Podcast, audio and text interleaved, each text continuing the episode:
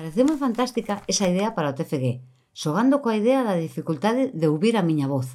Hai por trás un tema máis filosófico, sobre como en plena era audiovisual, ti e máis eu vamos coñecéndonos a antiga, imaginándonos a través da caligrafía e do que nos contamos nesta correspondencia lenta. Por outra banda, está o tema da prisión e do réximen fier, frente á idea que moita xente ten polos filmes americanos Aquí, falar directamente cun preso é enfrentarse a unha chea de dificultades e requisitos burocráticos. Estás escoitando a Miguel García, un preso independentista galego. Está na cadea. O primeiro adxetivo que lle pon moita xente é terrorista. Non é a súa voz. Pedínlle a miña nai que lera as cartas que el me enviou. E ben, preséntome a min. Eu son Moisés Pombo.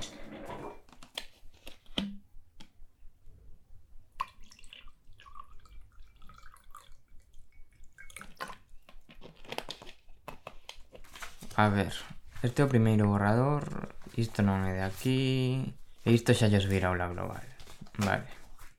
Esquema básico, ¿quién? Yo, Moisés, 21 años, en proceso de politización y crecimiento, con rebeldía y miedo, con esperanza de cambiar las cosas. O que ven a ser que non teño nin idea de quen son nin do que quero facer. A ver, nas miñas cartas, que lle digo de min? As primeiras manizas que fun berrábase abaixo os muros das prisións, cousa que non entendía. Eu pensaba, canta xente que non está e debería estar. Dende esa xa aprendín un pouco. Eu estou estudando en Madrid, porque enamorara da cidade e na cidade, pero xa o amor rompeuse. Plantexo a miña vida de volta en Galiza, non só por esa morriña que agranda aos poucos, senón porque creo na terra, na xente, e en construirmos un país dende abaixo. Anda, e xa nesta puxeralle... Gústame máis a radio que o cine, ou a televisión, pero tamén gostaría de facer documentais, por exemplo. xa lle deixaba caer que quería facer un documental antes de eu saber nada.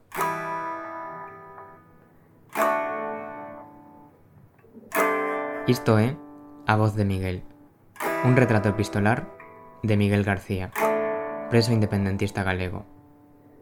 Un documental sonoro de Moisés Pombo.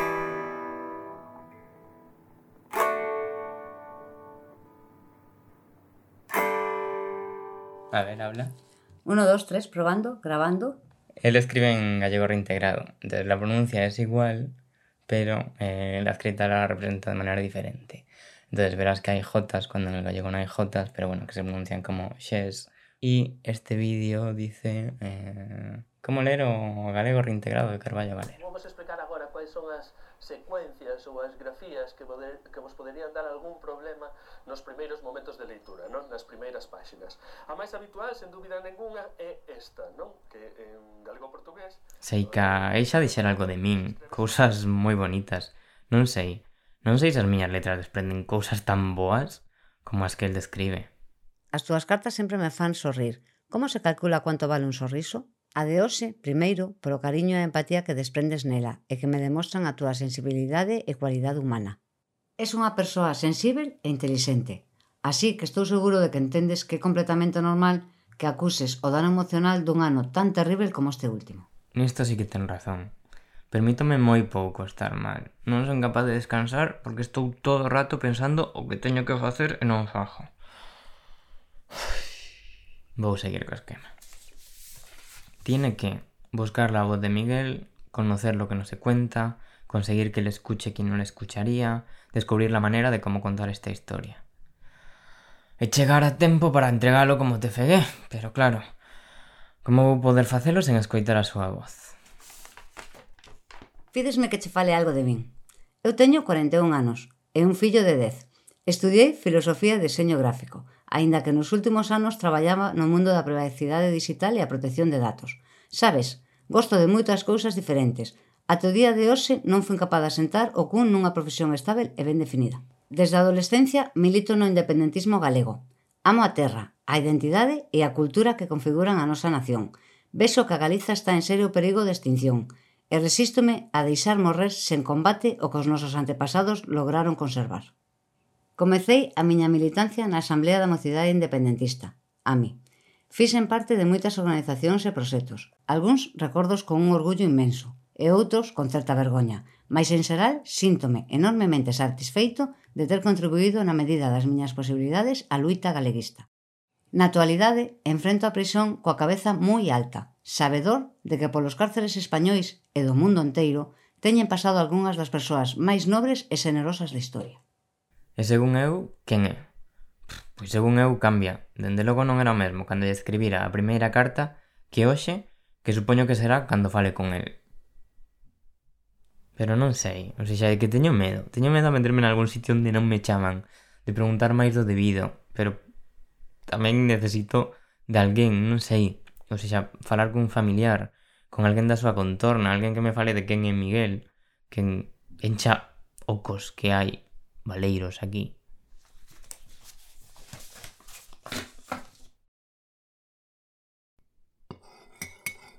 Cando me dixo que lle gustaba a idea do TFG, mandoume o número da súa muller, así que voulle escribir. O primeiro agardo non, non molestar. Levo un, un tempo falando con el por correspondencia, non sei se el falaríate de min. E do que xurdiu das cartas foi, penso que foi algo moi moi interesante. Eh, a min abriu todo un mundo e vin a posibilidade de, mm, de facer o, para o meu traballo de fin de grado como que, ou, ou seja, un programa radiofónico, un podcast, no que eu buscase a, a voz de Miguel, que eu só coñezo a, a Miguel pola súa caligrafía, e tamén dando un xeito metafórico de que eh, estánlle roubando a, a súa voz. De verdade, agardo non molestar e, e que teña que se non podes, non queres eh, axudarme non pasa nada, pero sería eu penso que facer algunha entrevista só de voz eh, e pouco máis que, que teñas moi boa semana eh, e falamos. Isto non sei se é porque son da xeración Z ou porque son eu subnormal, pero de verdade, a cada momento que teño que escribir a alguén ou que teño que escribir unha carta, que teño que, que esperar a, a contestación dunha mensaxe porque agora escribínlle a, a María, a muller de, de Miguel e de verdade tiña pánico en que me dixera que non e alegroume moitísimo esa mensaxe de que sí, que eu axudote no que tú quero dices a darlle voz a, a Miguel, que bonito, de verdade Daría a gravar para ter a miña voz e a súa voz, non? Entón agora chamo o, o contestador.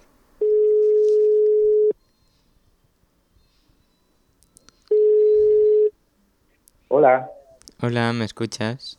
Ahora perfectamente, a la primera. Vale, pues sí, pues perfecto, pues funciona. Vale. Lo que no sé es por qué no iría antes. Bueno, pues genial, Vale, vale. Muchas gracias por Un tu ayuda, papá. ¿vale? chao, chao.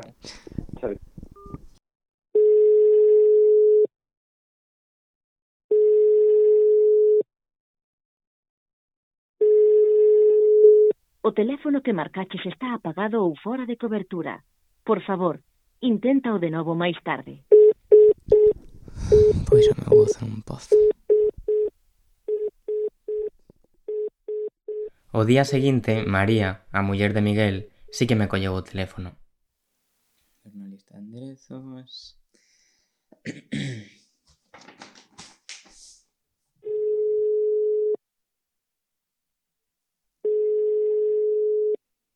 Hola, Moisés.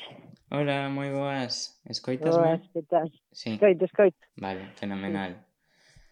Ai, que tal, como estás? Desculpa, desculpa onte terme esquecido de ti. Nah, Pasouseme no. por, com, por completo, ademais deixei o, o teléfono, vamos, non o tiña conmigo ni nada. Non te preocupes, non pasa nada. Pois, bueno, eu estou grabando, eh, uh -huh. Iso, voulle facer unhas cuantas preguntas que teño por aquí, a ver se me podes axudar a, a porlle voz ao Miguel. Eh, cando, cando eu escribinche, oes, oh, que Miguel deume o, o teu número, eh, dixecheme, sí, xa me falou o Miguel de min, de, de ti. Que che contou o, o Miguel de min? Eh, de ti? Pois que me ías chamar porque querías facer un traballo relacionado con él. Hmm. Non, non sabía máis nada. Como, como describirías ao Miguel? O Miguel. Hmm. O Miguel, o Miguel é un sabio, é un filósofo. bueno, é desas persoas que estás que estar con él, pois eh, xeral, no, como que te motiva muitísimo intelectualmente. Sempre está aí buscando o debate e sempre está co súas hmm. metáforas e coas súas reflexións en profundidade e, e, o, e así. O, o ton da túa voz di, di case máis que as palabras, eh? Eh, ponseche unha voz melosa. Home, que no? Claro, a ver, eu describo o Miguel para ti, eh, o sea, como para cualquera que se chegue a él. O Miguel para min é, pois, o que sei, é o meu compañeiro. Hmm. Eh, e ti? Como che describirías a, a ti mesma? A mí mesma? Pois... non sei se como máis como máis difícil, non? Pero como contactaste con esta gente? Como entrei en contacto con eles? Por que lles enviei as primeiras cartas? Foi sinxelo a chegarse ao seu círculo. No seguinte episodio, revisando as primeiras cartas, chegaron as primeiras respostas.